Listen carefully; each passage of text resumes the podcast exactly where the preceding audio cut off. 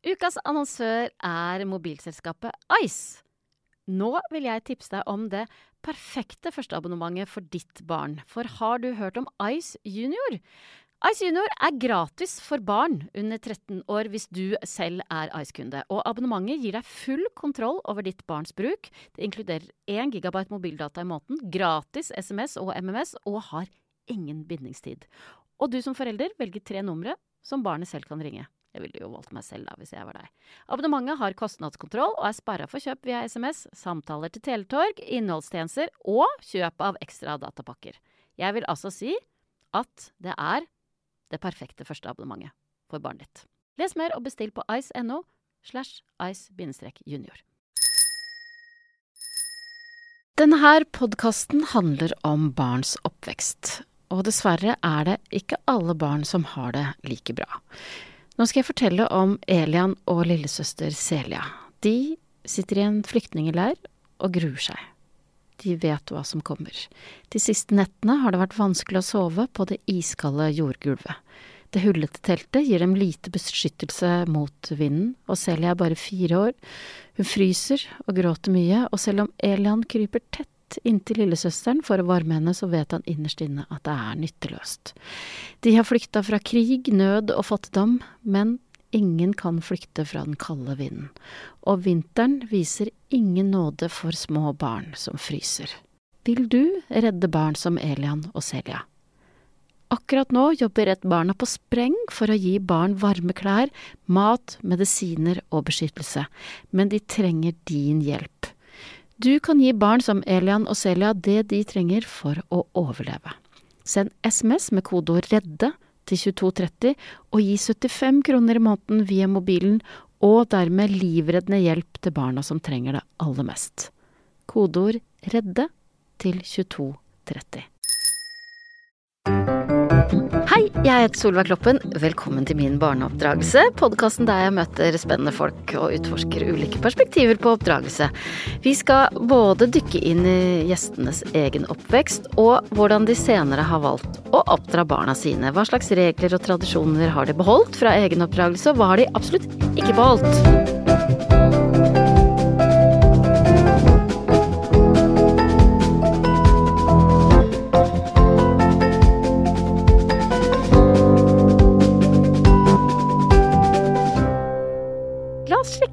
Hvilke valg dagens gjest har tatt på oppdragelsesreisen. Velkommen hit, Olaug Bollestad. Tusen, tusen takk. Så hyggelig å ha deg her. Takk for at jeg får komme. Du er altså partileder for KrF og har vært stortingsrepresentant for Rogaland siden 2013. Ja. Ja. Eh, men altså, eh, en kjedelig politiker, det er du ikke. Å, takk. Nei, det er du ikke. Takk, takk, takk. Eh, og med over 130 000 følgere på Instagram. Ja, det er jo helt vanvittig. Ja, og der gir du altså et ærlig og herlig innblikk i eh, livet ditt sammen med mannen din, Jan Frode. Eh, og vi har også fått gleden av å følge deg og Jan Frode i TV-serien Sofa. Mm. Og, eh, og begge steder så blir vi liksom da kjent med den humoristiske og lattermilde Olaug. Det er mye humør. Og humor. Ja, mye Altså, det er jo på en måte en det er en måte å ikke overleve på, men meg og Frode har alltid hatt det sånn. Ja. Og så galgenhumor elsker jeg jo. Ja. Sant? Altså, jeg jobbet jo òg i et akuttmottak før jeg ble Ja, for du er sykepleier i ja, bunnen. ja, Mm. ja, og da òg tenkte jeg at hvis vi ikke kunne, midt oppi død og fordervelse, Mm. holdt jeg på å si, må ha litt humor, ellers så blir vi jo helt nedgravd Ja. i bare sorg og elendighet. Så begge, vi har begge deler i livet, syns jeg. Ja, men altså bak mye humor og latter da, så er det også en jente som har tatt mye ansvar, eh, og som har hatt en spesiell oppvekst. Eh, og det skal vi komme tilbake til senere. Men altså, du var 26 år gammel da du fikk ditt første barn, Mm, og nå har du fire. Ja, tenk det. Tre jenter og en gutt. Ja, fantastisk. Og så i fjor eh, fikk du ditt første barnebarn. Å, det er så kjekt. Og nå kommer det snart. Ja, ja, ja, ja, ja, det blir så kjekt. Og det er, så, Ja. det er så deilig å se. Altså, du stråler altså, når du snakker om uh, Mali? barnebarn. Ja, jeg stråler, for jeg syns bare det er så fantastisk å se. For det første at eh, jeg har fått barnebarn, det er jo kjempeflott. Men å se hvordan mine egne unger takler det å bli Ja. mor og far, Ja. syns bare det er så nydelig. Ja. Men eh, er det Har du vært nervøs for det, på en måte, eller?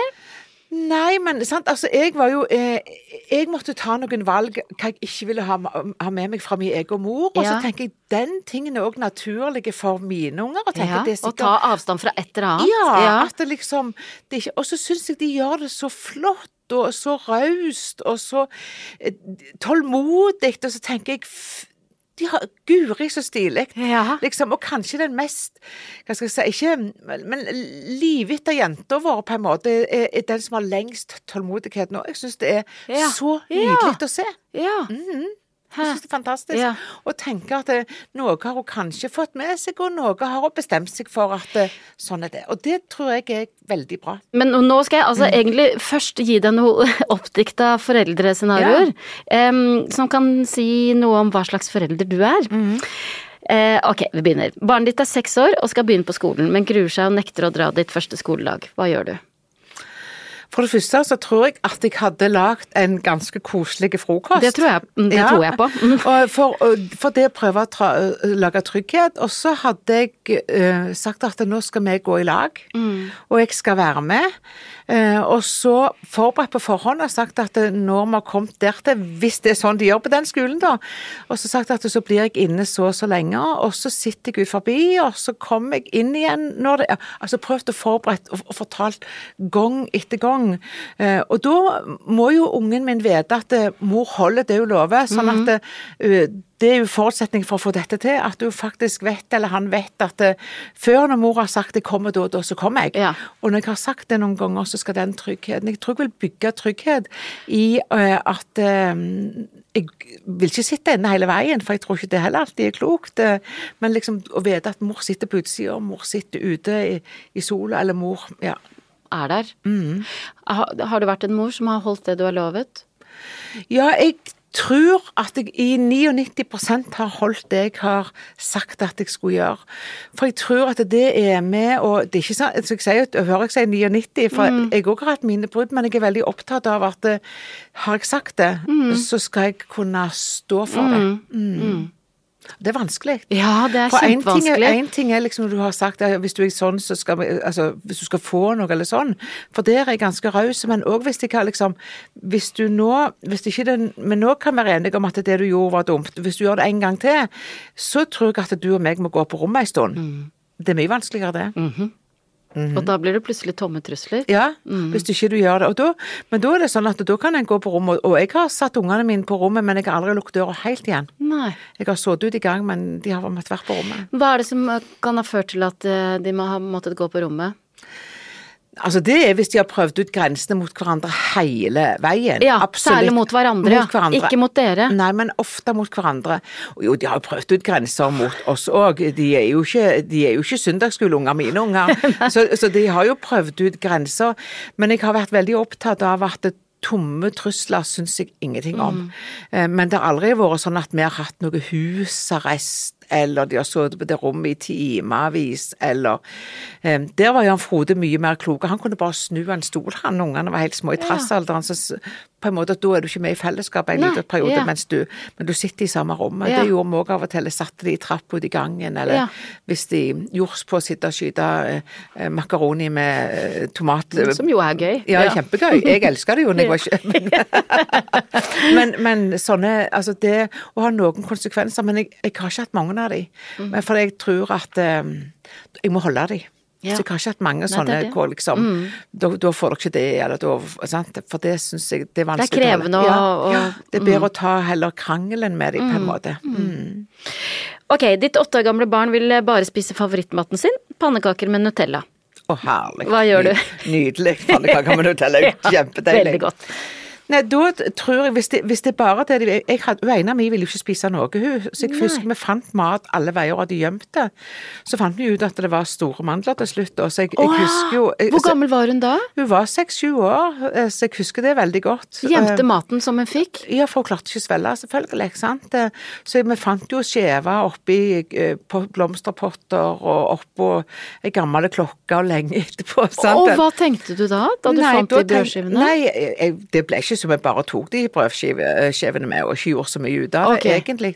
Men jeg fant ut når hun hadde fått tatt mandlene, så smilte hun og så sa hun, nå kjenner jeg lukta av For det var sånn og litt utvoksen i nesen, da, sant? så, så hun, hun eh, Da sa hun 'Kjenn lukta makrell i tomat', husker jeg hun sa. Så, så det er jo ikke det samme som Nutella, da. Men, men eh, jeg har prøvd å la ungene få lov til å smake litt, litt flere ting.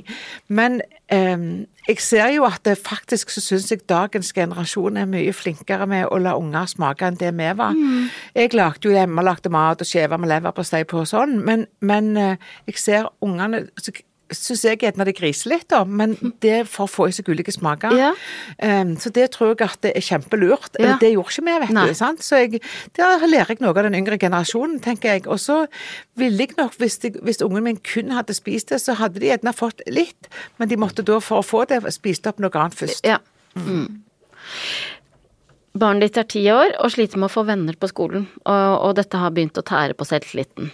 Hva gjør du? Det er jo helt grusomme følelser som mor. Um, og det, det er forferdelig. Jeg kjenner bare det sitter i magen fordi at du får så vondt av ungen din.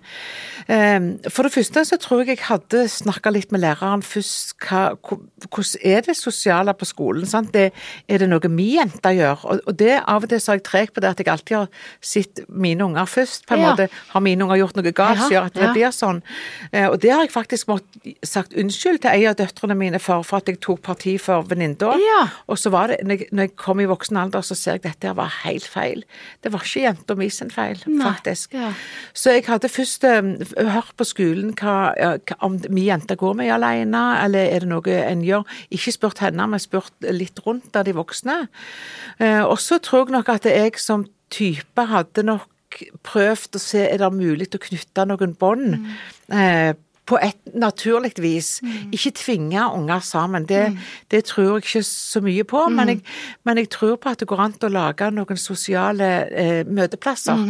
Eh, og det eh, som kan være i en heim, eller eh, vi kan lage noen aktiviteter i skolen som foreldre.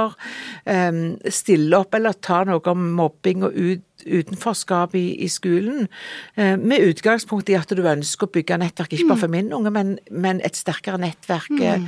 seinere. Og jeg husker faktisk en av mine døtre når hun skulle begynne på ungdomsskolen. Så deler de alltid klassene opp, og da ble hun, kom hun i en klasse med Det var ingen av jentene hun kjente. Nei. Og da husker jeg at jeg gikk på jenteklubb den kvelden dette jeg hørte, og så grein jeg mine modige tårer. Jeg syntes det var forferdelig, for jeg syntes så synd på henne. Ja. Men så gikk jeg hjem igjen, og så sa jeg til hun jenta mi at um, hvis du klarer å gå der og vinne venner, så har du på en måte seira. Eh, og hvis ikke du får det til, så skal jeg være med og bytte klasse senere. Ja. det er jo den jenta som har bodd i Sør-Amerika, tok utdanning på egen hånd og valgt videregående skole på Ja. egen hånd. Så, du, så det handler jo på en måte om å spille ball eh, i en sånn Ja, situasjon, tror jeg. Instinktet sier 'her skal jeg inn og rydde opp'. Ja, ja. Mm. men det, det er liksom Hvis du kan finne den sterkere sida i ungen din, Mm. så tror jeg kanskje det er den, den lureste måten. For jeg tror det er mange tvangsekteskap i Ja. venneflokk som ikke er av det gode alltid. Ja, ja. Men hvordan fordi at Jeg husker da mine barn begynte på skolen, så sa de jo på skolen sånn Husk det at eh, den i klassen som er mest utfordrende, den som er vanskeligst å tåle, eh, det er det barnet som bør invitere Ja. Dere bør invitere Ja. med dere Ja. hjem. Men det er jo ikke alltid Ikke sant? Det er mye enklere å invitere hun er der som bare sier 'tusen takk for maten', og. 'dette var kjempegodt', og 'skal vi leke stille i en krok her'? Ja, det er mye vanskelig. Og det husker jeg Altså, vi hadde jo én gutt og tre jenter, sant. Jeg husker han gutten, og de hadde barneselskap, så var det jo mye liv og mye lyd. Men, men hun ene jenta, de var, de var ganske mange jenter, eh, og de var jo høyt og lågt. Men der, der kjente jeg at vi, her må vi bygge noe med kanskje de som krever Mest. mest. Ja. Eh, og eh, jeg tror det skaper litt raushet, jeg tror det skaper toleranse, og jeg tror det skaper en forståelse som gjør at ungene våre blir sterkere i Ja, etterkant. ja, så, så dere har vært litt nøye på faktisk Ja, å, å gjøre det. alle. Ja, ja. Og Det- invitere også de vanskeligste ja. Ja, med hjem etter skolen. Alltid. For det at hvem er vanskeligst, egentlig? Ja, mm. Sant? Jeg syns det er like vanskelig med noen som sitter bare rolig i en krok, jeg. Mm. ja så- syns du det? Ja, jeg syns det. For hvorfor er det vanskelig? Nei, for jeg lurer på hvorfor sitter de sånn. Jeg kjenner meg litt sjøl igjen i det. Ja. Jeg var ei veldig snill jente. Ja. Og uh, gjorde leksene mine alltid når jeg skulle, gikk på det jeg skulle, og passet på og sto opp når jeg Ja. Alt det der. Sant? Og så Eh, lydig skal ikke barn være. Nei. Så jeg tenker, altså jeg liker jo litt født i det. Ja. Så jeg syns de er like vanskelige, de Ja. som sitter helt rolig. Takker meg til de som kommer ned under gelen- gelender fra toppen av, liksom. Ja. Og, og sånn, eh, og det går gjerne en vase en gang, og sånn. Ja ja, det får så være. Ja. ja. Mm. Jeg er litt sånn. ja. Datteren din er 14 eh, og har begynt å date en som er åtte år eldre. Hva gjør du da? Ja. ja det er en kjempevann. Men jeg tror jo på ærlighet der òg. Jeg, tror jo- jeg tror jo ikke at eh, ungene mine har vært annerledes enn andre unger. Så jeg ville jo ha fortalt litt. Du er 18 år, iallfall hvis du er jente, men gutt òg. Altså, du er 18 år. eh, Alltid fra seksualliv. Sønnen min har jo sagt 'mamma, du er jo så ærlig at det er til å få vondt av'. Ja. Men jeg hadde, jo, jeg hadde jo snakket om Jeg tror ikke jeg hadde snakket om alt med, med, med, Ja. med jenta mi, hvis det hadde vært jente, men også gutten min. Altså ansvar. Eh, eh, det er liksom Du kan bli utnytta, men du kan òg bli veldig forelska, og det kan, nesten, det kan være gjen- jevnbyrdig Ja. òg, sant. Men så òg at det er en seksuell lavalder. Det å Ja. huske gjennom det, og tenke gjennom det. Eh, Men jeg kan ikke fylle det hele veien. Mm. Så, det, så jeg tror jo på å snakke om at du, du kan komme opp i ting som du gjerne ikke syns er Ja. Igjen å forbe for, forberede barna? Ja, ja, ja. jeg mener det. Alt ifra eh, på en måte hvor vanskelig det kan bli med at du på en måte blir lufta som 14-åring Mm. mot en som er 8 år eller altså 22 år. Mm. Da blir du jo på en måte plutselig veldig voksen. Mm. Og så er det ikke sikkert at følelseslivet ditt at den, hverken fysisk eller psykisk har fulgt med helt Mm. ennå. Eller de sosiale antennene som forstår alt.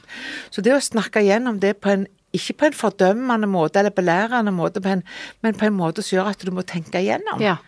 Um, og så er jo jeg skrudd sånn sammen at, at eh, ungene mine har ikke gått på selvstyr, det vil jeg ikke si, men jeg, men jeg har gitt mer og mer tillit til eldre Mm. de blir.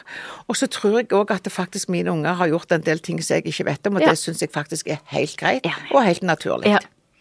Men hvis 14-åring etter den samtalen, eller de samtalene, hadde sagt ja, men eh, jeg er forelska, dette Mm. vil jeg, da ville du satt foten ned, da ville du prøvd å liksom sabotere, eller Nei, jeg tror ikke det. Jeg, tror heller jeg ville prøvd å gått inn med råd hele veien. For sabotering så hadde de jo truffet hverandre uansett, Mm. tror jeg. Så jeg tror det hadde vært mye verre hvis For meg hadde det vært verre hvis de gjorde det og måtte gjøre det i skjul på en måte hele veien. Selv om jeg må si det hadde vært mange følelser Mm. inni her. eh, Fordi um, jeg har jo fortalt i denne boka mi, men min bestemor, nei, min oldemor, var altså 16 år og gifta seg med en på mange og 40. Og fikk to barn før hun var 20 år. Um, det å si på en måte at det var enkelt, det var det altså ikke. Sånn at, at Men å forby det tror jeg ikke Selv om det er eh, Jeg skal ikke mistenke alt med en gang. Så jeg, jeg tror jeg ville prøvd å mer geleide gjennom enn å forbytte. Ja. Men når du sier at sønnen din eh, sier åh, mamma, du, eh, du er så åpen, du snakker om alt. Eh, sier han det egentlig med beundring Eller jeg vil, er han glad for det? Ja, de har, altså, eh, Han har iallfall kunnet ringt om det meste, og venner av oss Jeg spør mamma om dette, så hvor de så de diskuterer. Så har de ringt meg, og så har jeg svart. Ja. Og så, så jeg tenker jo at, det- at eh, jeg tror ikke han er sint av den grunn, men det betyr ikke at de trenger spørre meg om alt. Mm. at de vet jo de får et svar, sant. Eh, men Jan Frode har jo også sagt det noen ganger, at eh, du Olav er så ærlig at jeg syns det er vondt. Ja. For han er oppvokst med noe helt annet. Altså, jeg var jo oppvokst med taushet hjemme. Mm. Mor snakket jo ikke i mange uker i perioder. Um, og det gjorde at jeg måtte bestemme meg for at sånn vil ikke jeg ha det. Mm. Ungene mine skal få svar når, jeg, når de spør. Uh, og så skal de få et ærlig svar, og ikke et liksom-svar eller et åndelig svar. Mor svarte veldig mye ut fra Ja, Frelsesarmeen. jeg, jeg, jeg tror vi må til oppveksten Ja. din nå. Ja, For den ligger under alt du Mm, svaret. Ja. Gjør den ikke det, da? Jo, for det at jeg har, måttet jeg har jobba, jeg har grenet så jeg sier, byttevis av tårer for å komme der jeg er nå. Ja. Eh, men jeg måtte bestemme meg for at det er noe jeg ikke vil ha med meg, og det var en av de tingene. Ja. For det at du vokste opp eh, på Vestlandet, altså Jørpeland, Mm. eh, og hadde en mor som Mm. var psykisk syk. Um, Mm. husker du når du forsto at hun var syk? Ja, At jeg forsto det var sykdom, det, da var jeg ganske stor, faktisk. Da var jeg 14-15 år og var, traff ei dame, eldre dame som heter Ingeborg. Som har vært veldig viktig for deg? Ja, som har vært enormt viktig for meg. Hun var jo ikke spesielt hippe da. David, mannen, Kluptner, og hadde ikke moderne klær. Og for de hadde ikke barn? Nei, de hadde ikke barn. Eh, og hun var ei veldig sånn, eh, skal jeg si, vurderende dame, på en måte. sant? Men hun, hun ble ikke redd meg for det om jeg Jeg har jo ganske mye krøller, men i mm. utgangspunktet tok jeg cruise permanent i tillegg tillegg. Hadde farga far med sin undertrøye, boots og fløyelsskjorte, alt ja. det der greiene. Men hun, var, hun, så bak fasaden og skjønte, og det, det har jeg lært utrolig mye av. Altså, det er ingen jeg er redd for å komme inn hos meg, Nei. som på en måte jeg tenker ja, ja, de kan ha fine klær og merkeklær, eller de kan ha hippieklær, og ja. bak den fasaden er det alltid noe. Der var ikke foreldrene mine. De var, mor var veldig opptatt av rene klær og hele klær, men merkeklær det var ikke noe nødvendig. sant? Eller moderne klær var ikke nødvendig, bare de var rene og hele. Ja. Eh, men før det så forsto jo ikke jeg at mor var syk. Jeg, jeg, jeg, bare skjønte at jeg, Eller jeg trodde hun var ikke glad i meg. sant? Mm. For hun fikk jo meg 20 måneder etter hun hadde fått broren min, og gikk inn i en, i en fødselsdepresjon. Og så viser det seg jo seinere, når jeg er voksen og sykepleier, å snakke med legen til mor, for det fikk jeg lov til. Ja. Og da sier hun mor de har nok hatt en personlighetsforstørrelse i hele livet sitt. Ja. Men det skjønte ikke vi, for det, det var tabu. å snakke om psykisk helse spesielt. Mm. Uh, og for meg så har det blitt viktig at uh, livet henger sammen, og for meg ble det òg viktig da Da må vi snakke om når når vi er syke. Og jeg husker far fikk hjerteinfarkt da jeg var ni år. Jeg husker jeg så ut vinduet og tenkte nå ryker hele barndommen min. Sant? Og det var fysisk sykdom. Det var lettere å snakke om mm, fysisk sykdom enn en psykisk. Men, men, jeg har vært veldig opptatt av at ungene mine skal få stille spørsmål. Og når Jan Frode var syk i 2000 så var det utrolig viktig for meg at jeg sa til ungene sånn som så det var, uten å mm. overdrive. Mm. Mm. Men at pappa kunne dø, at han kunne komme tilbake igjen, være annerledes enn det han var før han ble mm. syk. Um, og hvis han dør, så skulle de få være med. Altså alt dette her. Mm. Uh, så jeg har på en måte tatt de vanskelige tingene istedenfor å la være å snakke om de, så har jeg snakket om de. Ja. Og det vil jeg ta et oppgjør med mine egne foreldre, for de snakket ikke om noe av det. Nei, for hvordan var, Hvis du skal beskrive barndommen din, hva husker du best? Hvordan var grunnstemningen? Hva, hvordan var hjemmet deres? Eh, hvis, det, hvis, mor var i god stemning, mm. så var det fryktelig mye humor. Altså når mor og far, spesielt når mor var i godt humør og far hadde god fysiske helse, ja. så var det vannkrig og lek og uh, Jan Frode første gang han var hjemme hos oss, så trodde han vi krangla, men det var åpenhet for å diskutere ting. Ja. Men så var det jo òg mange uker fra jeg var bitte liten av, for, som hun ikke snakka til oss. Hun, øh, hun kunne ikke hun klarte det ikke, på en måte. sant? Og vi tre søsken fant jo litt sammen. Oppi dette prøvde far å ordne sånn at vi skulle ha så noenlunde god ja. barndom. Um, kan ta et eksempel. Jeg husker uh, mor uh, reiste av gårde på, med sykkelen sin. Uh, for utad var jo hun frelsere med damene og til jul så ga hun jo lefser og, og syltetøy til de som trang, og gome som var kokt og sånn. Og så, og så hadde hun samtidig skrelt poteter og skulle lage kumle. Og så ble de, de potetene som lå i vann, ble bare svartere og svartere. og svartere. Og så skulle far, far og bror, brødrene mine Men det kan jo du gjøre, du er jenta her. sant? Jeg var seks år. Da husker jeg at jeg sto og, og lagde kumle som seksåring, eh, og jeg husker tårene rant, for jeg var redd det ikke var godt nok, og hvor lenge skal kjøttet koke, og, og gikk opp i takvinduet og kikket, kommer jo ikke snart, og så, så det, det, var jo veldig mye av min barndom. Eller når det var lite penger for husbanklånet skulle betales to-tre ganger i året, som hadde lagt oss, så lå jeg og hørte hva mor og far snakket om. Eh, og det gjorde at jeg begynte jo å jobbe som femåring, og, og ga penger til mor og far gjennom det. Eh, hadde det vært min, mine unger nå som ville jobbe, og de hadde gitt meg noe penger, så hadde, jeg, så hadde jeg jo enten så hadde jeg spart det for dem og fått det igjen ja, når de var seinere. Ja. Men der var jo ikke mor i hele tatt. Hun, hun, alt var lukka på en måte, og, og vi visste lite om hennes barndom og hennes oppvekst, egentlig. Ja. Mm. Hvordan var hennes uh, oppvekst? Um, hennes oppvekst var at mor Altså min bestemor, hun bodde jo uh, Var gift Eller min oldemor var 16 år, som jeg sa tidligere, og gifta seg med, med oldefar, og han var mange og 40. Og når hun var 20 år, så sa han jeg reiser til Amerika, og da ble min bestemor plassert i fosterhjem. Eh, Så min bestemor vokste jo opp i fosterhjem eh, og fikk polio som liten. Og så gifta hun seg eh, med min bestefar etter hvert, og han var alene igjen med sin mor. Alle andre søsken og ti søsken var reist til Amerika. Så han var igjen, og han hadde jo òg en skade oppi skuldra, for han hadde falt ut av vinduet i andre etasje som fireåring. Så han hadde fått sånn, sånn skikkelig fuglerygg, for det, det var jo ikke sykehusbehandling, og operasjon. Så de to traff hverandre da, og så fikk de først mor, og elleve måneder etterpå så fikk de bror til mor. Og da måtte mor vokse opp hos bestemor si, på farssida i samme huset. Så mor hadde jo ingen enkel nei. Nei, hun ble veldig sånn misunnelig på sin bror som var elleve måneder yngre. Og så fikk hun etter hvert ei søster og en bror til, men hun var eldst og følte hun måtte ta ansvar med sine far og drive av gården og med hest og kjerre og alt dette her. Og så fikk hun ingenting i arv, så hun ble veldig sånn bitter. Men så, så har jo min tante, da, som, som kom til gården og gifta seg med han bror til mor som var Ja. elleve måneder yngre, Ja.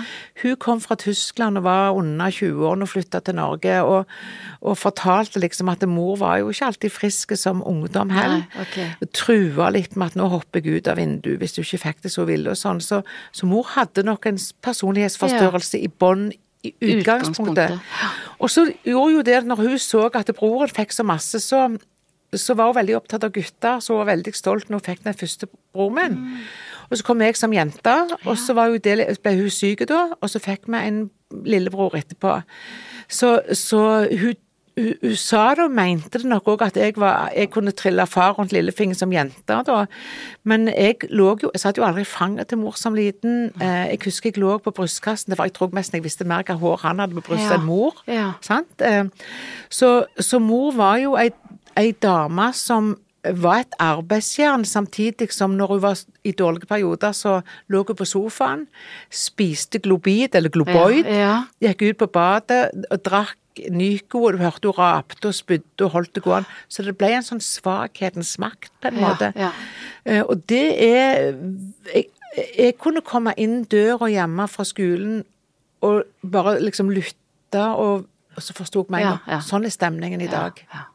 Nå må vi gå stilt i dørene, nå må jeg passe på brødrene mine, nå må jeg eh, Et voldsomt så- ansvar. Ja, så jeg hadde et enormt ansvar fra jeg var bitte liten av. Og så når jeg, når jeg da eh, fikk meg noen ulike jobber opp gjennom tid, så husker jeg jeg gikk i sjette klasse og fikk jobb på en butikk, og da ble mor sur igjen, for da mente hun at jeg, hun, hun burde hatt en jobb. Så da gikk jo jeg til en butikkeieren og spurte om det var jobb til mor òg. Og mor fikk jobb der, og utad virka hun kjempedreven, vet du, sant vel, i delikatessen og lagde mat, og så var det ingen som visste hvordan det egentlig var hjemme. Hva har det gjort med deg? Um, det har jo gjort mm, Altså, jeg måtte jobbe ganske mye med meg selv, for jeg hadde dårlig samvittighet. Og jeg, den dag i dag Jeg bor ikke så langt fra Bislett, og den dag i dag så er det en rød postkasse der som jeg Nå blir jeg rørt, det kjenner jeg selv, men jeg sendte et brev til mor i tenåring, det tok hun aldri på alvor. Og jeg husker jeg la det oppi, hva det betydde, og hva jeg skrev. Ehm, og det å aldri få en forståelse i andre enden. Og det tenker jeg på mine egne unger, at eh, jeg skal alltid svare.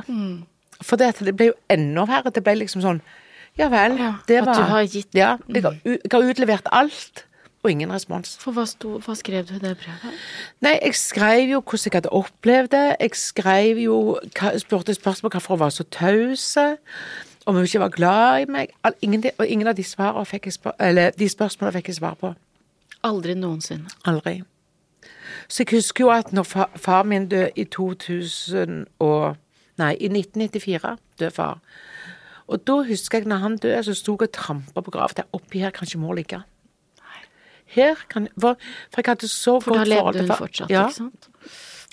Så, så da tenkte jeg eh, Far fortjener ikke dette. Så jeg måtte jobbe ekstremt mye med meg sjøl på å eh, tenke hvordan blir jeg som mor? Og jeg husker når jeg ble gravid med hun eldste, så husker jeg jeg tenkte åh, hva gjør jeg nå? hvem er, den, hvem er mitt forbilde? Jeg kan ikke spørre mor om noe. Og svigermor, hun var hun var jo morsom, og hun var jo 39 år da hun fikk Jan Frode. Ja. Eh, og det var ganske gammelt i den tida, det. sant? Eh, og, det- og det gjorde jo at hun Hun var jo liksom det var alt etter boka. Og jeg tenker, det kan, som sykepleier jeg kan jo ikke leve sånn som hun holdt på. sant? Vel, med skifte bleier sånn, og varme bleiene på boken og alt Ja, det der nei, greiene. sant? Det går jo ikke an. Nei. Så jeg måtte på en måte finne meg en, en, en rolle, på en måte. Og, Ja. og hun Ingeborg som jeg fortalte om, som var redningen min i ungdommen, hun, hun, lille, hun, hun som ikke var så hipp. For hvor, kom- hvor kom hun eh, dalen Hun, fra? tra, hun traff jeg som 14-åring, eh, egentlig på bedehuset på Jørpeland. Jeg hadde aldri vært på et bedehus, jeg, og traff henne der. Og hun var så vis at hun skjønte at her kommer det ei ung jente. Uh, hun hadde nok sett mor òg og tenkt sine ting i det, Ja. så hun inviterte meg hjem til seg. Og, og det glemmer jeg aldri, for der lagde hun noe som de diskuterer veldig mye nå, da disse jødekakene. Hun hadde så mye hornsalt i, i den deigen at jeg hadde jo ikke nesespray på tre uker. Og jeg kom inn, voff, sa det i nesen. Og så hadde hun eh, sitronbrus, og så var det et helt enkelt hjem. Men det betydde ikke så mye for meg, for, jeg, for hun fortalte og forklarte, sant. Altså at eh, mor kan ikke, hun vil helt sikker, men du kan ikke mer enn det hun gjør. Så du, Ole, må få deg en utdanning, du må bygge din egen trygghet, du må komme deg ut av Jørpeland, stå på egne bein, ta egne valg. Og det sa hun, uten unger, ei gammel pietistiske dame. Ganske kult. Så hun, hun var jo grunnen til at jeg valgte å gå på gymnas, for det ble det krig om. Eh, De mente det var unødvendig å gå på gymnaset. Da måtte jeg betale sjøl hvis jeg skulle det. Eh, Og at jeg tok utdanningen min. Det er jeg jo kjempeglad for nå, men det gjorde jo òg at jeg, jeg traff folk som gjorde at jeg fikk jobba meg igjennom min egen barndom. Jeg, jeg, eh, jeg måtte fortelle historien mange Ja. ganger, og jeg grein hver gang. Jeg griner jo ennå Ja, i en alder av 62 ja, år. Tenk det. Eh, sant? Hvor djupt sitter det da fordi tårene kommer? Og det, det sier meg noe om at eh, en barndom kan henge med deg hele Ja, livet. ja. Eh, og derfor er jeg så opptatt av å snakke sant om den barndommen, eh, og, og si hva det gjorde, aldri få sitte på fanget og føle deg avvist. Eh, og derfor så tenkte jeg alltid når mine unger vokser opp, så skal vi eller når jeg, når jeg får unger, husker jeg jeg tenkte, så, så må jeg lage en, en heim som det er raushet i, og rom, rom i, og, og, og hvor det ikke er taust. Ikke engang når det er vanskelige spørsmål. Det er jo av og til vanskelig å vite hva du skal svare Ja, til unger, ja, ja. husker jeg, sant? Så jeg husker jo når min egen far døde, da, var, eh, da hadde jeg fått tre unger. Jeg var jo bare noen og 30 år. Em, og da følte jeg jo, da raknet det på en måte, sant? Em, så jeg husker at de to eldste mine var jo med inn, eh, inn på, Alle tre var med inn på sykehuset, de tre eldste, og da satt jeg med far. Det var jo egentlig en sykehustabbe far døde av. Eh, Jeg var jo utdannet sykepleier, og så kom jeg opp på besøk til han, og så sier han du, du må ikke lage styr nå, men de har gitt meg feil insulin. Har de gitt deg feil insulin? Ja, og så hadde han jo et dårlig hjerte, for han hadde hatt mange hjerteinfarkt. Så hengte de opp masse sukkervann. Men det var, de, de burde hengt opp eh, mindre i liter, men sterkere sukkervann. sant? Det, eh, Det var så- for mye væske. ja, for mye væske, så han hadde jo ikke pumpa så tålte det. altså Hjertet tålte det ikke da. Så jeg husker jeg reiste hjem til Jan Frode og la fram klær den kvelden, og så sa jeg i natt far. Og det gjorde han, og da når jeg, reiste inn til han da, så når, han- var død, så var, mor mi kommet og bror min, og så ringte jeg til han Frode og sa kom inn med ungene. Og så de to eldste, de satt der og holdt liksom rundt far og rundt mor da, og så sier hun ene nå, eller mor sier til en av ungene at det, nå er bestefar hos Jesus. Så sier hun andre pøh. Han ligger jo der. Så, altså, og, så var, og, og, og så husker jeg de var med og stelte, og vi bar kista inn, og vi fikk den til Jørpeland og sånn. Eh, og så husker jeg bror min, han, han hadde òg en sønn, han skulle ikke være med i begravelsen først. Nei. Og så sa han, du frarøver han jo noe. Ja, men det er jo så vanskelig med død og sånn. Så sa jeg, ja, For det, det bestemte de voksne? ja, det bestemte de voksne. Men så når begravelsesdagen kom, så kom broren min med sin sønn òg, og våre unger kom. Og så spør han, hvor er kista? Så sto den hvite kista der, men for han var jo ikke det kista. Å, det var jo sånn rosemalte kiste. Altså, han syntes det minste som kunne stå på kista, var 1924. Og 1994, det var det minste som kunne stå på den kista, syntes han. Og det forteller meg jo alt. Ja, sant? Altså, ja. At ungene er jo så konkrete. Ja, ja, ja. Så- Og lager sånn bilder, Ja, ikke sant, sant? sant? Så det var liksom eh, Og så rett etter begravelse husker jeg meg og de to eldste kjørte forbi en kirkegård hvor de grov opp ei grav. Og så sa du må stoppe mamma og gå og si til dem de graver feil vei. Graver de feil vei? Ja, du må gå og si det. For da gravde de sånn avlange grav. Ja. Og så sier jeg, nei, du må sette det sånn at du kan sette kista ned på høykant, for da er det mye lettere å få opp døra. Altså, og så tenker jeg, ja eh, Derfor er det så utrolig mye altså, Da blir det viktig for meg å fortelle Ja, ja. ungene at Sånn at man ikke skaper en- ja, altså fantasien Ja, ja, ja. virkelig De så jo for seg all jorda som skulle opp, og dette er jo så tungt, Ja, ja, mirakel, og hva Ja, får jeg gjøre med sånn? ja. Og, det, det har jeg prøvd å leve opp til. Solveig. At um, ungene våre skal ikke oppleve det jeg selv opplevde. Der snakket vi ikke om død, vi snakket ikke om liv, vi snakket ikke om sykdom. Jeg husker jeg sto i vinduet når far hadde fått første hjerteinfarkt. Så etter tre uker så kom han hjem fra sykehuset. Ja. Og så, jeg tror Men, jo på men det. det er så øh, Det er så imponerende at du har funnet det språket òg. For å snakke om de vanskelige tingene. Når du Ikke hadde det ikke. ja. Ja. Hvor har du Det vet jeg jammen ikke hvor jeg har det fra, men jeg, men jeg er ekstremt opptatt av språk da. fordi at det, jeg husker jo eh, når jeg var liten, som jeg sa første gang jeg traff Ingeborg og kom på bedehuset, jeg forsto ikke et spøtt av det de snakket om. Sant? Og så ble jeg sykepleier og så på pasientene med de klinkekule øynene hver gang doktoren hadde vært på besøk. Ja, ja. På visitt, og da hadde jeg tegneblokk og rød og blå blyant. Ja, og og forklarte. Ja, og dette er det egentlig doktoren. Jeg kan ikke si det, da. Jeg husker jeg skulle forklare insulin til noen, og så sa jeg eh, insulin er jo akkurat som lastebiler. Mm. Så de skal jo kjøre alt sukkeret vi spiser, skal jo de kjøre rundt i cellene. Og hvis ikke det er lastebiler, så samler alt sukkeret seg opp i blodet, ja. så får du høyt Godt blodsukker. bilde. Ja. Det er jo så ja, enkelt. ja, sånn snakker ikke legene, nei. Nei, sånn snakker ikke legene. Og så kommer jeg inn i politikken, og så opplever jeg der er det òg et eget Ja. språk. sant? Og dette handler jo om livet til folk. Og derfor så har jeg vært opptatt av å snakke Ja. om òg det som er vanskelig. Og det er ikke sånn at jeg syns det er lett, Solveig. Jeg syns ikke det er lett. Mm. Nei. Men jeg, jeg syns det er rett. Ja. Jeg syns det er rett. Men, men ikke sant, moren din prega Mm, veldig mye av barndommen og oppveksten din. Men faren din, var, hvem var han oppi det hele? Ja, Kim var han? Var ikke Han var en til å være en mann født i 1924. Far var jo eh, Jeg var født i 61, så far var jo en voksen mann Ja. når jeg ble født. Så var han en mann som var veldig stolt. For det første at han fikk ei datter, det var jo det store. Så han bestemte seg for å være hjemme fra jobb fra to, i to dager. Oi. Det syns mor mi var helt unødvendig. Ja. Og så ble jo mor syk, da, så far han stelte jo meg om morgenen han klokka seks. Ja. Og så lå jeg i senga til han kom hjem klokka to når han hadde dagvakt. Tenkte, Det hadde jo ikke vært sånn i dag. Men det gjorde jo at det far, far knytta Jeg knytta noen utrolig sterke bånd til han. Eh, jeg husker han var ikke noe tjukk mann, men en stor og kraftig mann. Så jeg husker jeg var med han til uremaker, han skulle kjøpe klokkereim. Og det, da hadde de ikke Han ville ha lerreim, men de hadde ikke stor nok lerreim, for han hadde så kraftige Eller, eller hva heter det håndledd. Så, så han måtte ha sånn metall, vet du, som du kunne ta på flere og flere ledd, så hengte de seg opp i håret Ja, hvert. Ja, ja, ja. Og da husker jeg jeg gikk hjem og holdt den i hånda og tenkte hva Jørpelands sterkeste far. Ja.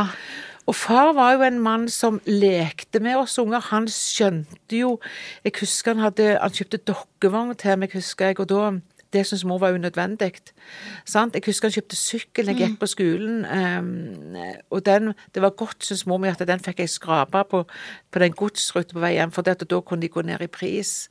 Altså det var sånn Far skjønte, og så, og så vet jeg òg at far prøvde jo, eh, eller legen prøvde å få far til å akseptere at mor skulle bli innlagt. Ja.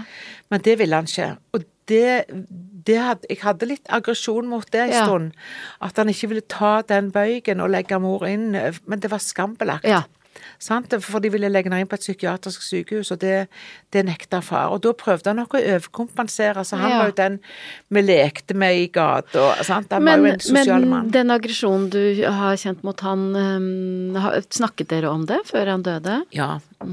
Eh, når far Den natta når far døde, så, så fikk jo jeg sitte alene med far. Ja. Eh, og og far var jo en han, var jo en raus mann. Han sa bare det at, eh, jeg har, at jeg har ikke gjort alt like klokt. Mm. For vi skulle nok åpne hjemmet vårt for hjelp før. Ja. Og når, når han når, Det var ganske, det er ganske Ja. hva- ja. Og da liksom, da husker jeg at jeg tenkte det var det var nå litt seint, og jeg ville ikke begynne å, å krangle med han på Mm. dødsleiet. Men jeg kjente liksom at det, ja, det har du helt rett i, Mm. Fordi det har oss så dyrt, oss ungene. Mm. sant? Vi er veldig forskjellige med unger, og, og det har kostet oss alle tre dyrt. Mm. Eh, og heldigvis så fikk jeg ei Ingeborg, det gjorde ikke mine søsken. Og derfor har livet fart hardere med de enn med Ja. meg. Um, og jeg tenkte at det, det er òg en av grunnene til at eh, jeg vil heller invitere folk inn i livet mitt Mm. um, når det er tungt og vanskelig, eller i familien vår. Mm. Er det Ingeborg som er årsaken til at du Ja, det, det er hun, og så er det ei dame til. Og hun var ikke ei bedehusdame, hun andre som jeg syns Og det gjør nok Jeg har jo dette spennet med meg da. Ingeborg på et vis, og så var det ei nabodame som het Elbjørg. Hun røykte sånn at det, det var mest sånn at fingrene tok fyr. Det liksom Den der sneipen gikk inn mellom de to eh, fingrene. Men hun, hun satte seg alltid Jeg lekte i sandkassen. Jeg elska å leke i sandkassen som liten. Og det var hun som ga meg den første jobben om å selge aviser. Ja. Men hun satt bare der, og så hadde hun noen nydelige gullringer i ørene, husker jeg, så røykte hun. Men hun drakk altså det jeg kaller for sorpekaffe. Altså, jeg lagde jo kaffe av moll og sand og vann og sånn, og så ga jeg det oppi kopper til henne, og så satt hun og drakk. Og det bygde en tillit at hun satt der. Samme hvordan dagen til mor var inne, så satt hun ute i sandkassen med meg. Mm. Og det tenker jeg De to tingene har jeg tenkt mye på i etterkant. Um, nå har jeg blitt bestemor. eh, Jeg og Mally er masse i sandkassen, og eh, der det bare er oss, og der jeg kan sitte med kaffekoppen uten å bryte inn i legen. Også hvis jeg får En liten tår? kaffe, Ja. ja. så skal jeg drikke den. Altså sånn ser ut som jeg drikker. Og det, det der å bygge noen sånne kontakter um, uh, i sånne helt lekende stunder tror jeg er kjempeviktig. Og av Ingeborg så har jeg lært hos oss så skal hjemmet vårt være åpent. Em, og vi snakket akkurat om det i helga, Jan Frode og meg, for det at eh, han, gutten vår på 16 nå, er han ikke 16, han er jo 30, men når han var 16, så mistet han bestekompisen sin i en trafikkulykke. Og da husker jeg vi åpna hjemmet vårt, og de lå med de For lå, ungdommen? Ja, ja. De lå jo på madrasser i stua i ei uke. Og jeg husker jeg gikk til naboene og sa akkurat nå er jeg ikke så nøye med hva tid det er ro i hagen vår, bare så dere vet det. Og hvis dere syns det er tåpelig, så kommer jeg til å stille meg foran, foran ungdommene. Eh, fordi jeg tror jo at Ingeborg lærte meg noe om åpne hjem. Eh, og det å tenke at det er viktigere at de er her, at de får tid sammen, enn at eh, jeg har det helt prikkfritt med naboene, eller Og jeg husker da var det i 16-17 år de røykte. Jeg tenkte ja ja, det er ting som er viktigere i livet nå enn den røyken. Ja, så de, ja. får bare, de får bare holde på. Ja.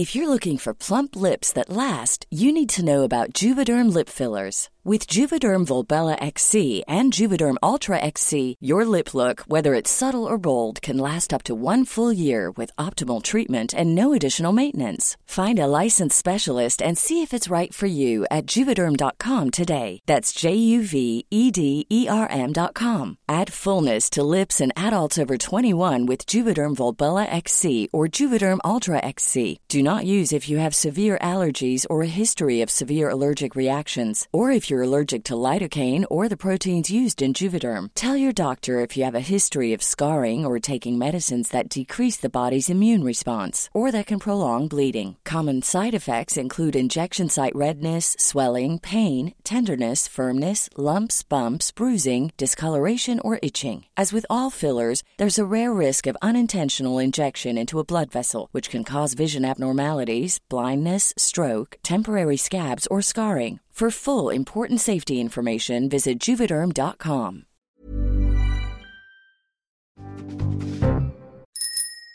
Ukas annonsør er mobilselskapet Ice. Mobilen har jo blitt et verktøy som brukes til det aller meste. Eh, Spesielt surfing, strømming og spilling. Og da er det jo viktig med et raskt og stabilt nett. Hvis du f.eks. ikke har tilgang til wifi eh, og skal logge deg på et eh, Teams-møte, ah, da er det litt uheldig om dekningen er dårlig. Jeg er ganske lei av å si sånn Du, nå tror jeg eh, Nå hører jeg Nå, nå stopp Ja, der var du. Ah, det er kjedelig. Ice bygger ut sitt eget 5G-nett i Norge for å gi deg en enda bedre og raskere nettopplevelse. I tillegg så vil Ice sitt 5G-nett være forberedt på å ta i bruk framtidas teknologiske utviklinger. Selv om vi kanskje ikke tror at fjernkirurgi og selvkjørende biler blir dagligdags med det aller første. I mellomtida så bygger Ice et raskt og sikkert 5G-nett til det du bruker 5G til. Les mer på ice.no slash 5G. Det er mye raushet i deg. Ja, kanskje det, men, men jeg, det handler jo om at jeg som liten måtte finne ut hva er viktigst. Ja, for det, det der at du eh, vokste opp med en følelse av at moren din ikke var glad i deg. Eh, kan du kjenne på det fortsatt? Altså, eller hvordan har det vært i forhold til andre relasjoner?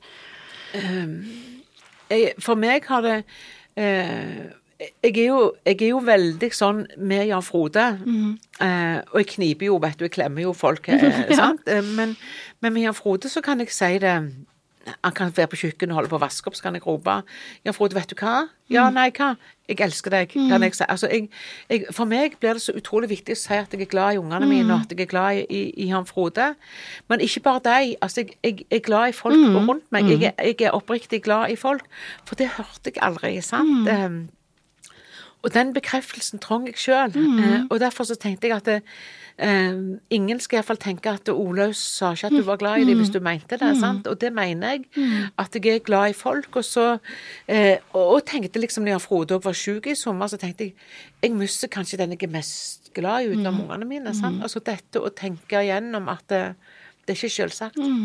Og, men hvordan er det andre veien? Trenger du eh, bekreftelse fra andre på at de er glad i deg? Er du Eh, jeg, trenger ikke høre det av alle rundt meg, jeg, jeg, jeg, fordi at jeg har jo levd ut sånn bekreftelse. Ja, ja. Men, men jeg er mest opptatt av å klare å gi det sjøl og Ja, få respons på det jeg gir. Fordi at eh, jeg fikk jo ikke respons på det jeg ga hjemme, Nei. utenom hos far. sant? Mm.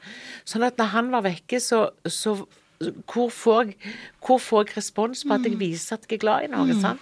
Eh, Det fikk jeg ikke Jan Frodo, det fikk jeg ikke ungene mine. Og det, det gjør at jeg er veldig opptatt av å bygge det hjemme. Mm. Jeg må si, Olaug, altså for en jobb du har gjort. Ja, eh, jeg har lyst til å si til, til folk som på en måte tenker at de har en, kanskje en tapt barndom Um, det, det er sant, og så samtidig så går det an å feise det.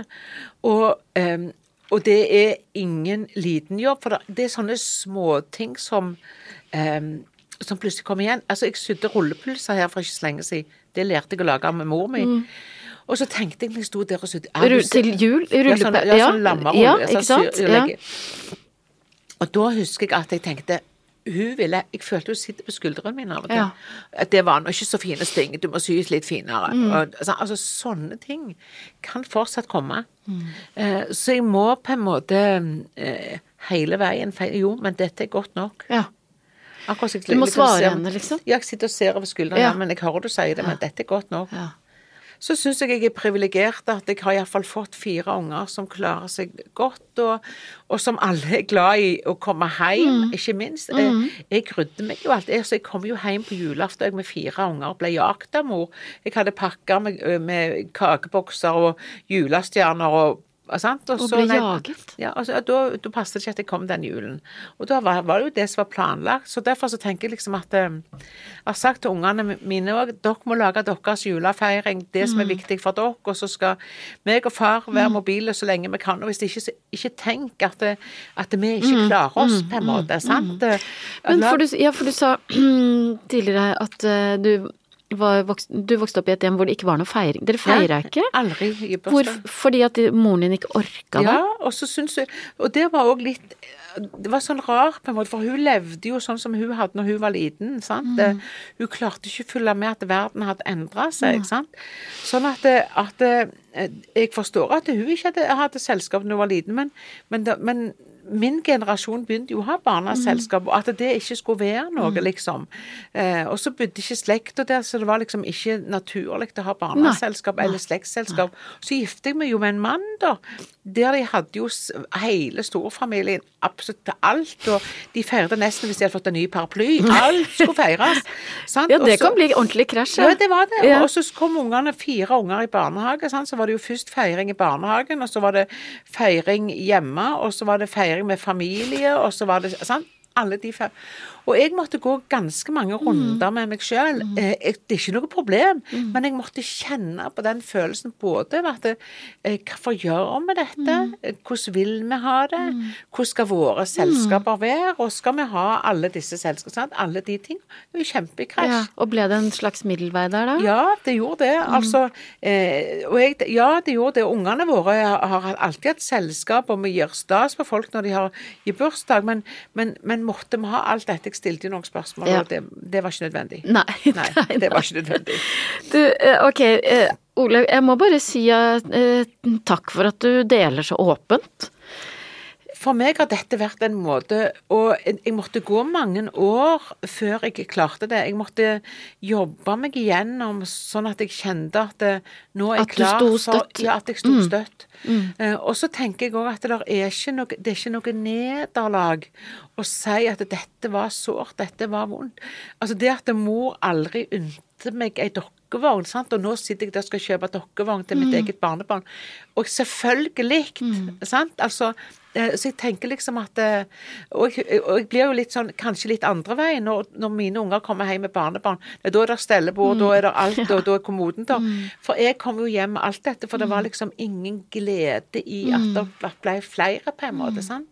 Så du må, men det, det er hardt arbeid, men det er kjempemulig. Og jeg er helt overbevist om at um, eh, det er verdt prisen. Hvis hun skulle ha svart deg på det brevet, Ja. hva skulle du ønske hun hadde sagt? jeg, jeg hadde bare trunget tre ord. Jeg er glad i deg. Det er litt mer enn tre ord. Det hadde vært mer enn nok.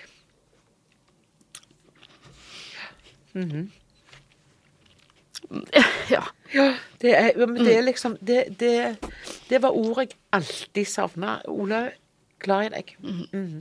Det var litt mer enn tre ord, men, men det har jeg alltid Far var god å si det, og han var ikke mange ord i, men mor sa det aldri. Mm. Ikke engang når far døde. Nei, du hørte det aldri. Nei, jeg hørte det aldri. Ja. Ok, nå skal vi For nå må vi jo bevege oss over i, i oppdragelsen du har gitt dine barn, Ja, ikke sant? ja.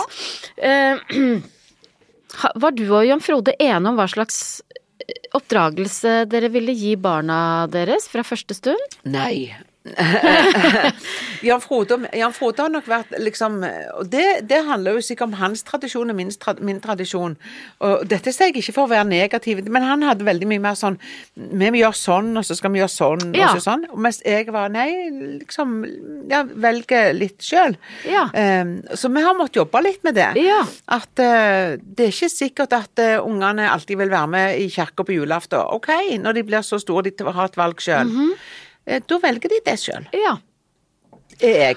ja. Og- Mens mens Frode tenker ja. det skal man. Ja, det gjør vi. Ja, ja. Mens uh, Ja, hvordan har dere funnet ut av det? For det er, ja, kan være kjempevanskelig. Ja, det, det er kjempevanskelig. Men, men da måtte vi snakke gjennom hva er det egentlig som betyr noe nå. Mm. Betyr det noe nå at vi får det sånn som vi vil ø, på julaften? Eller betyr helheten på hele julaften noe her? Ja. Sant? Altså Alle de der tingene der. Å klare å snakke om det det er ikke det jeg sier at Jan Frode sitt valg var dårligere enn mitt, men, men vi må finne ut hva er det som gjør at det blir greit hos oss. Og når dere har hatt de diskusjonene, har de vært, har de vært eh, gode, på en måte? Eller- Ja, har, men men jeg opplever at vi har, eh, vi har kommet nærmere hverandre når du klarer å snakke om de tingene. Ja, ja. Og, det er alltid sånne ting som på en måte har vært tradisjoner som gjerne er vanskelig å bryte. Mm, sant vel? Um, og det, eh, det tenker jeg det er på godt og på godt og vondt. Jeg så bare første gangen de tar med seg noen av sine, altså når de har etablert og, og hjem til oss med jul. Og så er jo ungene våre Vi vil gjerne ha det sånn, for det at sånn er det hjemme hos mor og de. sant Ja. vel? Og så sier jeg ja, men um, er det noe de som Altså partneren din vil ha med nå? Så jeg husker eh, første gang svigersønnen vår var der, så hadde han med seg sånn morrpuls. Altså han var vant til Ja, Fantastisk. til pinnekjøttet. Ja, Ja. Og det, selvfølgelig, da gjør vi, tar vi det med. Ja. Altså det å tenke igjennom at nå må dere tenke igjennom at nå skal dere bygge dere, så kan vi bygge litt sammen. Sant? Og det er fordi at sånne ting Det, betyr litt det er koster deg ikke så mye. Det koster meg ingenting. Nei. Det koster meg Nei. Mens den der diskusjonen om hvorvidt barna må Ja, være med i det noe. ikke, Det det, betyr noe. Ja, det betyr noe for Og der meg. har du vunnet fram, eller? Ja, jeg har vunnet fram Ja. det, fordi at eh, jeg måtte jo be han sønnen vår om skyldning òg når han måtte Ja. være med i barnekor. Fordi jeg følte liksom at jeg, jeg er så det er nok litt protest i meg. Jeg er så lei av fasader jeg holder på å stryke med. Sånn, vel, ja, hvorfor skal alle gå i kirka for? Får du lyst til å rope høyt? Ja. Mm. Jeg gjør det. Ja, innimellom For- gjør du det også. Jeg, jeg gjør det òg. Ja. Fordi at jeg tenker hva altså, Den fasaden betyr 0,00 Mm. i Fattigkommisjonen. Det betyr ingenting. Mm. Men det som betyr noe, det er at vi faktisk har At ungene våre opplever en raushet i å ta egne valg. Mm. Og da, da kan jeg stille meg foran. Og, Mm. og det gjør jeg litt som politiker òg av og til. Sant? At ja, at det, det skal være rom for å mene, det skal være takhøyde, og andre kan ta andre valg enn meg. Og da får jeg respekt for mitt valg, og så får de respekt for Ja. sitt valg. Ja. Sånn har jeg gjort med ungene òg. Mm. Ok, eh, la oss gå liksom enda dypere Ja. liksom, i den, eh, hvordan dere har hatt det hjemme, Ja. da. Eh, eh, du har jo vært en mamma som har lekt mye med barna dine. Ja, ja Frode har lekt enda mer. Altså, Ja. ja. jeg kan leke med ungene mine, men han har spilt mye med ungene sine. Altså, Ja. Sånne spill. Brettspill og oh. Han han er bedre enn meg. Har dere latt barna vinne, eller eh, Og det er grav alvor hjemme hos Ja, oss ja. når de blir store. Å herlig, det er grav alvor. Ja. eh, Fikk barna lov til å sove i sengen deres? ja, Ja. det gjorde de faktisk. Alle fire på en gang? Eh, Ja, men Jan Frode Altså, han sønnen vår, han lå alltid på siden av meg. Hun minste, hun gikk og luftet opp armen til Jan Frode og la seg under den. Hun lufta den, for han sov alltid. Og de to eldste de kom jo òg ofte hen i senga. Og så var Jan Frode den som var mest tålmodig og, og fylte de tilbake igjen i senga etter en stund. Men de har sovet i senga alle fire. Ja. Eh, og eh, TV-tid, var det noe dere forholdt dere til, på en måte? Jeg er jo nok sikker Nei, jeg er ganske vi var, Når jeg vokste opp, så var vi de første på Jørpeland som fikk fjernsyn. Oi, og når var det? Å herlighet, det var jo på 60-tallet, tidlig på 60-tallet. Kruttrøyk og alt dette her Wow. greiene, sant. Så da kom alle ungdommene inn hos oss og så fjernsyn, og far var ganske raus i det der, sant. Så eh, vi har ikke vært de der som har på Å, pass, nå skal ikke se det, og pass, uff, og sånn. Vi har aldri hatt noen koder på at det ikke de skulle Nei, men vi har heller snakket om hva, hva ting påvirker oss når vi ser. Hmm. Eh, Så, så ungene forteller jo at barnevaktene var strengere enn oss. Ja. Ja, de har det. Ja. Kommer du til å være streng mot barnebarna da? Med skjermtid, telefoner og Ja, altså det, jeg syns jo det Jeg syns det er ganske Nå vet vi mye mer enn vi gjorde da. Ungene våre var jo mye større enn unger enn nå når de fikk telefon, for eksempel. Mobiltelefon. Så syns jeg det er Jeg syns det er skremmende nå å vite at så mange unger blir mobba. Stengt ute, ikke får være med, fordi de kommuniserer på denne skjermen på hvem som får være med og hvem som ikke får være med. Før så bankte de jo på dørene, og så var det den som ikke Å, men de så de var ute, men nå gjør de ikke det, for nå sitter de rundt. Så, så eh, jeg er veldig opptatt av at kunnskapen i det må komme foreldre og oss til gode, sånn at vi kan være med og hjelpe dem til å ta gode valg. Så, eh, men jeg skal holde det foreldrene sier jeg skal holde. Ja. For hvor mye kommer du til å legge deg opp i eh, barnebarnas oppdragelse? Nei, der, det har jeg faktisk ingenting med.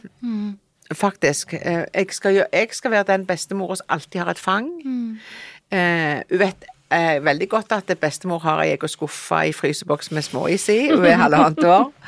Eh, og hun vet hvor jeg har sjokoladen henne, selv om hun ikke har fått mye sjokolade i livet. Sånn jeg tenker liksom at det, Men, men, men jeg, jeg, det er ikke bare det gode, men jeg ønsker jo sånn at når hun har bada, så elsker jo jeg å ha henne i fanget mitt og sitte og massere henne med krem. Hun elsker jo det. Sant? Så jeg tenker liksom at jeg, jeg ønsker å være en trygg havn. Jeg ønsker også å være en trygg havn de dag, når hun blir større, og hun helt sikkert vil krangle med foreldrene, for det er jo helt naturlig, så ønsker jeg at jeg eh, Jeg skal ikke neglisjere det foreldrene har gjort, men at du skal få komme en plass hvor bestemor har rom for både sinne og gråt og eh, motstand. og Min rause bestemor. ja, jeg har lyst til å være det.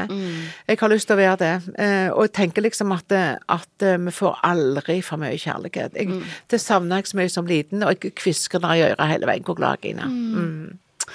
Eh, hvordan har det vært med krangling eh, hjemme hos dere? Eh, meg og Frode eller ungene? Alle. Eh, Og, og, og herligheter, har vært krangling. Vi bor med fire, fire tenåringer. eh, Det er under åtte år imellom de. Du kan jo bare tenke deg hvordan det var. Mm. og det, det har foret en vannglass over bordet når det har vært nok, og noen har sprunget opp og vært sinte. Og ja, ja, vi har hatt alt dette dørene har smudlet igjen og, og sånn. Men ungene har jo merka hvis meg og Frode har vært sure på hverandre. Eh, og Jan Frode, jeg, jeg eksploderer jo fort. Jeg har nesten ikke lunta, så jeg er sånn voff opp, og så er jeg ferdig. ferdig. Mm. Så er jeg ferdig. Han er ikke der. Han er sur i ei uke, kan være. Og det irriterer meg grønn, grenseløs. Eh, Ja, og da sier jeg det nå, når er du ferdig? Når kan vi lufte ut takluka? Eh, Så det sier jo jeg, for jeg holder jo på å sprikke og sånn, sant. Eh, Mens eh, Og ellers så, ellers så tar jeg det med godt humør da når Jan Frode er sur. For da syns jeg det går over alle støvleskaft. Jeg vil heller ha det komisk. Mm. Ja, for meg blir det komisk, så da begynner jeg å tulle, og så kommer det etter en stund, da. Mens ungene våre merker jo fort at hvis, hvis eh, vi har krangla, og derfor så sier vi det heller da, ja, det har vi Ja, faktisk, vi er ja. dundrende uenige i dette, Ja, sant? Eh, Ja. Eh, hvordan, eh, har det vært viktig med manerer i hjemmet deres? Jeg holdt på å si hva det er for noe. Nei, altså der igjen, tilbake igjen til eh, Jan Frode og meg. Jan Frode var jo oppvokst med maner. Han, Ja. altså Der var det jo sånn eh, 'Tusen takk for maten, eh, nå spiser vi, synger vi for sant? Sånn, veldig sånn. Mens hjemme hos oss så var det bare sånn 'Velkommen til bords, nå spiser vi'. Sant? Altså veldig det, eh, Men det jeg har vært opptatt av, det er at ungene våre eh, De skal være høflige. Og det flotte er jo å se, syns jo jeg, når de var små òg, at det, ofte så oppførte de seg finere ut enn Ja, hjemme. ja. Og da har de iallfall Og de har fått med seg noe, iallfall, Ja, tenker jeg. ja de, vet, de vet hvordan de egentlig Ja, skal mm. ja, og så tenker jeg at det, det var kanskje noe av det jeg husker når vi hadde barnedåp til en av ungene, og hvor hun ene da for i kjøleskapet og tok alt sånn brelett, var liksom det hun var helt hole på. Og så var det Det passet liksom ikke inn i manéene på en måte, Mhm. sant. Eh, Og nå ler vi jo av dette. Men vi var nok el- el- Ikke vi, jeg tror ikke jeg skal si det vi, men vi eh, For ja, Frode har det vært en god vei å gå. Eh, Ja. Hvordan da? Nei, fordi at det var liksom eh, eh, de, han, han var oppvokst med sant? eh, voksne foreldre, eh, skikkelige tanter og onkler som satt med hvit duk og tøy, tøyd Mhm. serviett. ja. Ah, ja, skikkelig. Svigermor, var, svigermor hadde ett par klær på seg på dagen så skifta når kvelden kom. Altså, det var skikkelig, Ja. sant? Og pels og sånn. Det var jo ikke jeg oppvokst, så, så det måtte vi jobbe oss litt igjennom. Ikke at maner ikke er viktig, men det er, er liksom ikke for maneren sin Mm, mm. Men da er det jo for at vi skal ha det litt eh, skikkelig akkurat nå, Ja, sant? ja. Ja. Men det er ikke sånn at jeg har sittet og holdt på alle til bordet. Altså, nei, jeg har ikke det. Mm. Hva, hva var det beste med perioden da barna var små? Jeg syns det var så mye. Jeg syns det var så mye når du så, begynte å se de fikk personligheter. Så elsker jeg jo det, da. Eh, fire helt forskjellige unger. Eh, altså helt forskjellige interesser.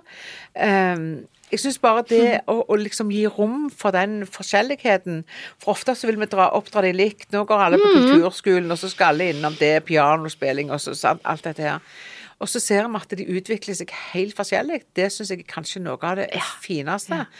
Og så syns jeg jo òg det var det å tilbake igjen liksom til den tida når du lå under dyna med de og leste, for eksempel, og, og de spør masse av de spørsmålene du kan svare på.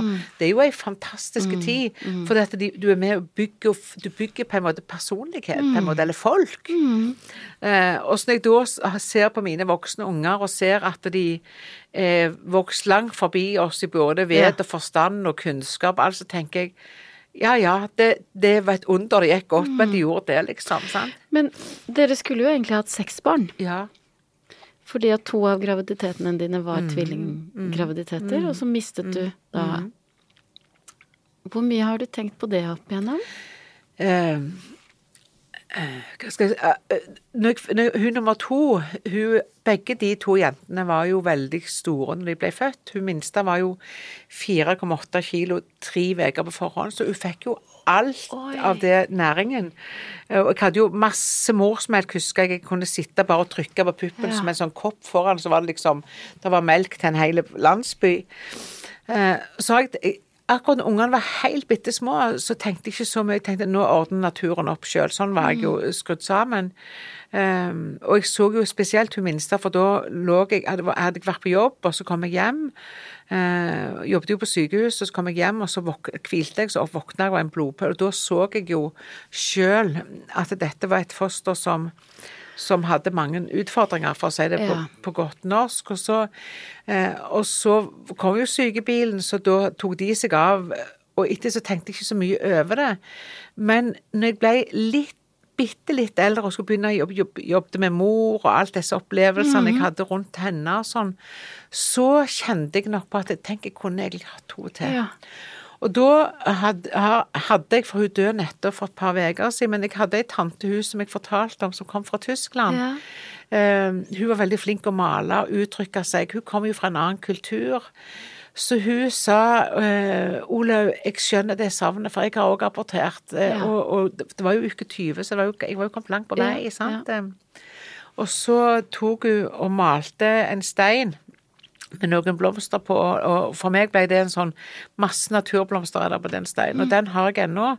Eh, Og i den blir det jo sånn eh, Det er mange fasetter i, i, i livet, og dette er en av de, på en Ja, måte. ja. Så de to har jeg på en måte i det. Ja. Mm, så jeg, jeg eh, eh, jeg tenker at jeg er veldig takknemlig for de fire jeg har, og så tenker jeg på hva, hva hadde, hva hadde det hvem hadde disse Ja, vært? sant?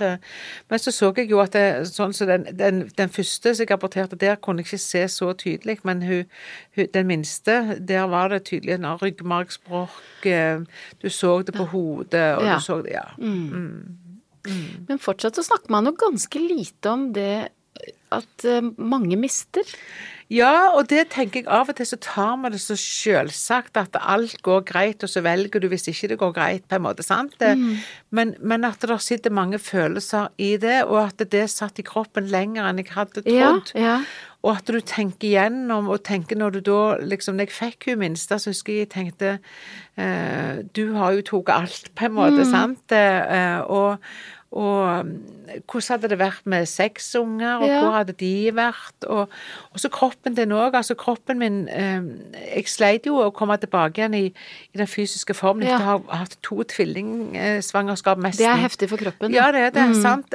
Så, så det har jeg tenkt mye på. Og tenkt at sorg på en måte ikke alltid er eh, det at du har ei grav å gå til. Nå kan jeg gå til mor og fars i grav, de ligger i samme grava. Det?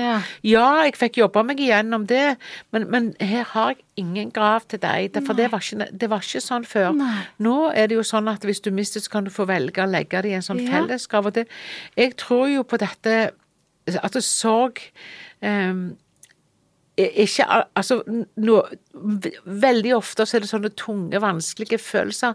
Ja, Men andre ganger så tror jeg òg sorg kan være på at jeg føler jeg mangler to. Ja, ja. Men jeg vet ikke hvem de var. Så jeg vet egentlig ikke hva jeg sørger over. sant? Eh, og de spørsmålene blir nok mer og mer tydelige. For jeg er så ufattelig takknemlig for at jeg har de fire jeg har, og tenker meg jeg styrtrike. Eh, men tenk om jeg hadde hatt sex, det hadde jo vært en hel fotball, et helt Ja, fotballag. ja. Mm. Men jeg har aldri kjent på at liksom, jeg har ikke ei- grav eller ei, Da ser jeg av og til på den steinen og tenker at jeg Det- tr- lurer meg på hvordan disse hadde Ja, vært. ja. Mm. Dine barn ble jo etter hvert ungdommer, de òg. Ja. Eh, og som da helt åpenbart har vært vant til at Her snakker vi om alt. Hvis de vil. Hvis de vil. Ja, har det vært forskjell på oh, de barna dine? Ja, ja, ja, ja, ja.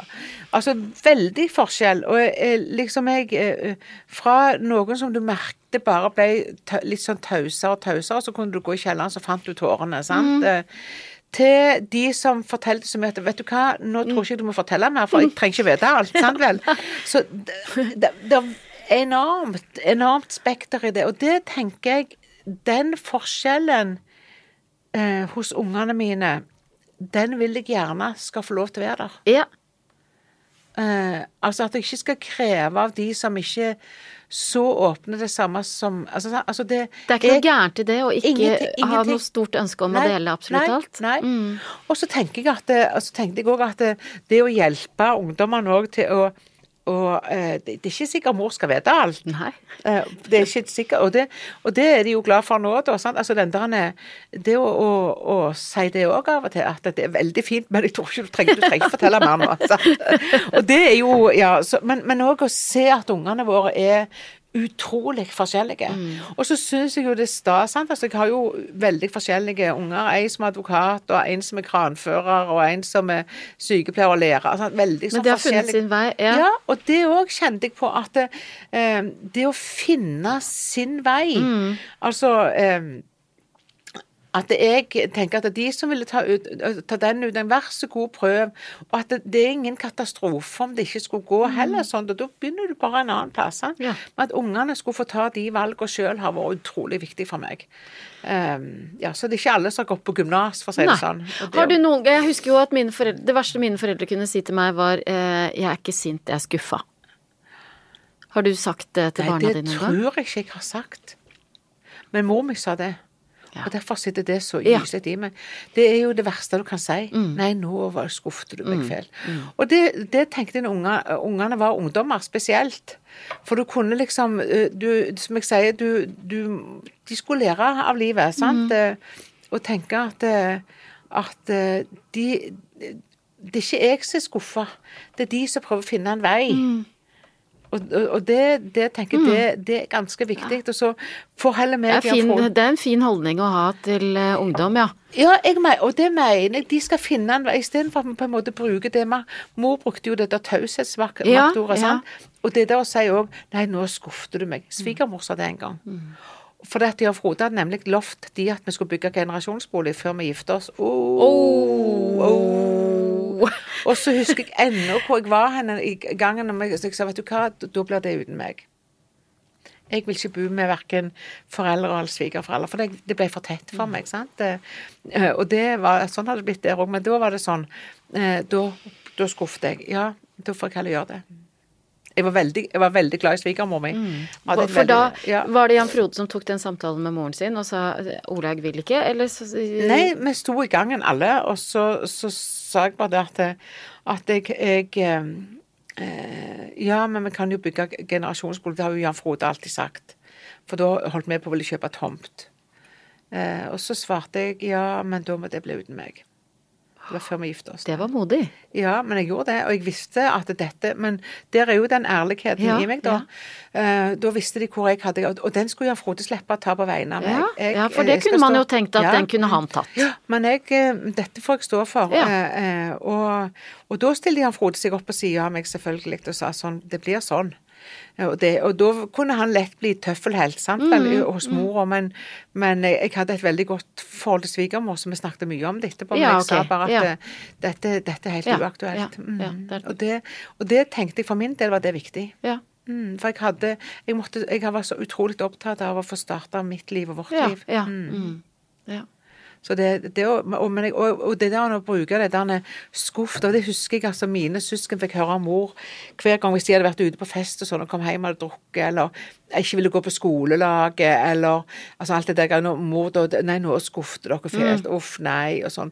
Det er jo, det er jo mye verre enn noe. Ja, ja. det, eh, det, det Jeg skal aldri si aldri, men jeg tror ikke jeg har sagt det, for jeg har vært så bevisst på det. Mm. Du, vi skal avslutte der vi starta. Altså, jeg gir deg noe oppdikta scener fra et liv med barn, og så svarer du hva du ville gjort. Du sitter i bilen sammen med dine fire barn, og de er uenige om noe. De krangler, skriker og slår. Det er to timer igjen av bilturen. Hva gjør Du, du? jeg har kjørt gjennom hele Europa jeg, med, med fire unger i bilen mange, mange år.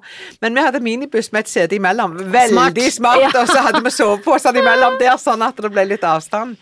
Eh, nei, da, kan det jo være rom for pause, men, det, men jeg tror av og til så må vi ha litt, litt bil.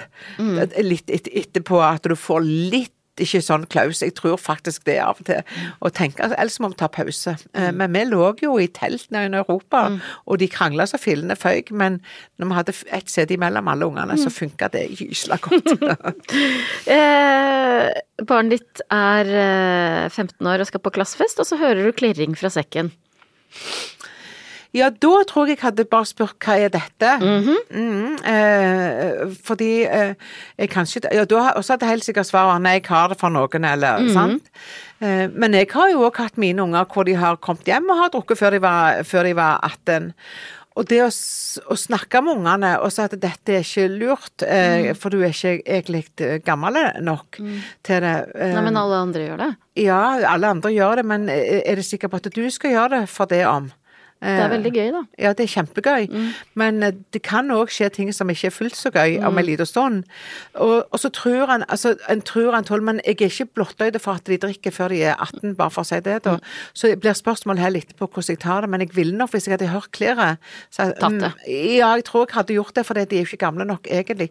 Men spørsmålet er hvilken måte jeg gjør det på, for ellers bare legger de det ut forbi, så finner de det likevel. Så jeg er jo ikke, jeg er jo ikke Nei, og hvordan tar man det som Ja, ikke sant, det er jo det som er vanskelig. Ja, er Begge er- parter ja, vet, ja, det- men Ja, mm, sant. Og da noen ganger så tror jeg jeg hadde tenkt òg, ja, jeg, jeg vet Nå vet jeg at dere, dere putler og drikker litt. Kan, jeg, kan vi ha en avtale da? mm, Og hva er den avtalen? Eh, At eh, jeg kommer og henter deg eksempel klokka. Og da for jeg, altså, Selv om jeg egentlig vet at det ikke er lov å drikke, jeg vet jo det er veldig godt, men jeg vet at de gjør det likevel. Mm. Og da er spørsmålet er det bedre at jeg sier det, at jeg vet at dere gjør det, men da kommer jeg klokka da. Ja. Og så sitter jeg i bilen til du kommer Ja, ut. Det må så- være avtalen. Mm. Ja, ja. Datteren din er 17, eh, stormende forelska i en jente i klassen. Hun vet ikke hvordan hun skal gå fram og spør deg om råd. Hva sier du da? Da tror jeg jeg hadde gjort akkurat det samme. Må, det må du rett og slett finne ut av være i lag med. Snakke med henne. Jeg hadde ikke blitt vippet av pinnen av det, for å si det sånn. Overhodet.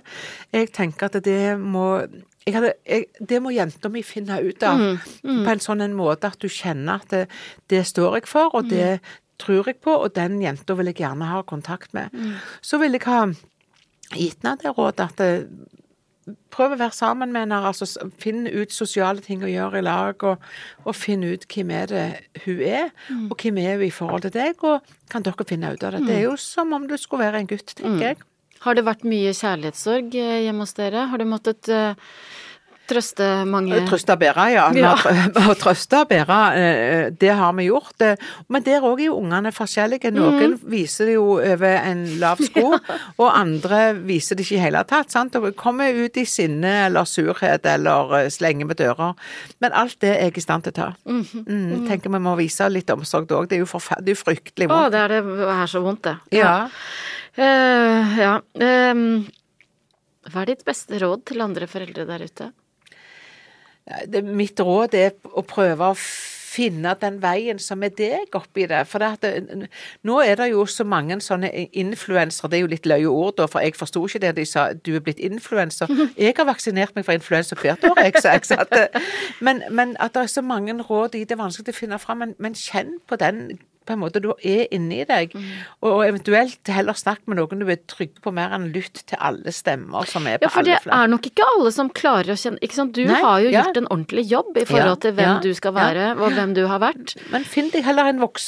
Eller en eller annen å len deg til. ja. Eh, og ikke alltid bare len deg til disse som er på nett i alle valører. Og Finn din Ingeborg. Ja, jeg tror det. Jeg, og, og jeg håper å være Ingeborg for noen. Jeg tenker at det, det redder meg at istedenfor en pekefinger, så kommer det en arm rundt, og så klarer du å finne urkreften i deg sjøl. Og det tror jeg at det er det beste rådet, at det er noen Ingeborg som legger armen rundt istedenfor pekefinger. Så er det jo sånn at unger, vet du, de tåler ei våt bleie, men de tåler ikke å leve uten kjærlighet. Så det, det Om leiene om vi kommer feil vei og på halv åtte og klær og alt det der, betyr ikke så mye. Det som betyr noe, er om de merker at vi er glad i dem Og si det. og si det. Tusen takk for at du kom. Takk for at jeg fikk lov å komme. Og du, hvis du eh, som hører på liker podkasten Min barneoppdragelse, husk å trykke følg der du lytter. Da får du et varsel hver gang det kommer en ny episode, og episodene blir automatisk lasta ned på din enhet. Neste uke så prater jeg med Isabel Skolmen om hennes oppvekst og hvordan hun velger å oppdra sine barn. Vi høres! Min barneoppdragelse er laget av Lyder Produksjoner.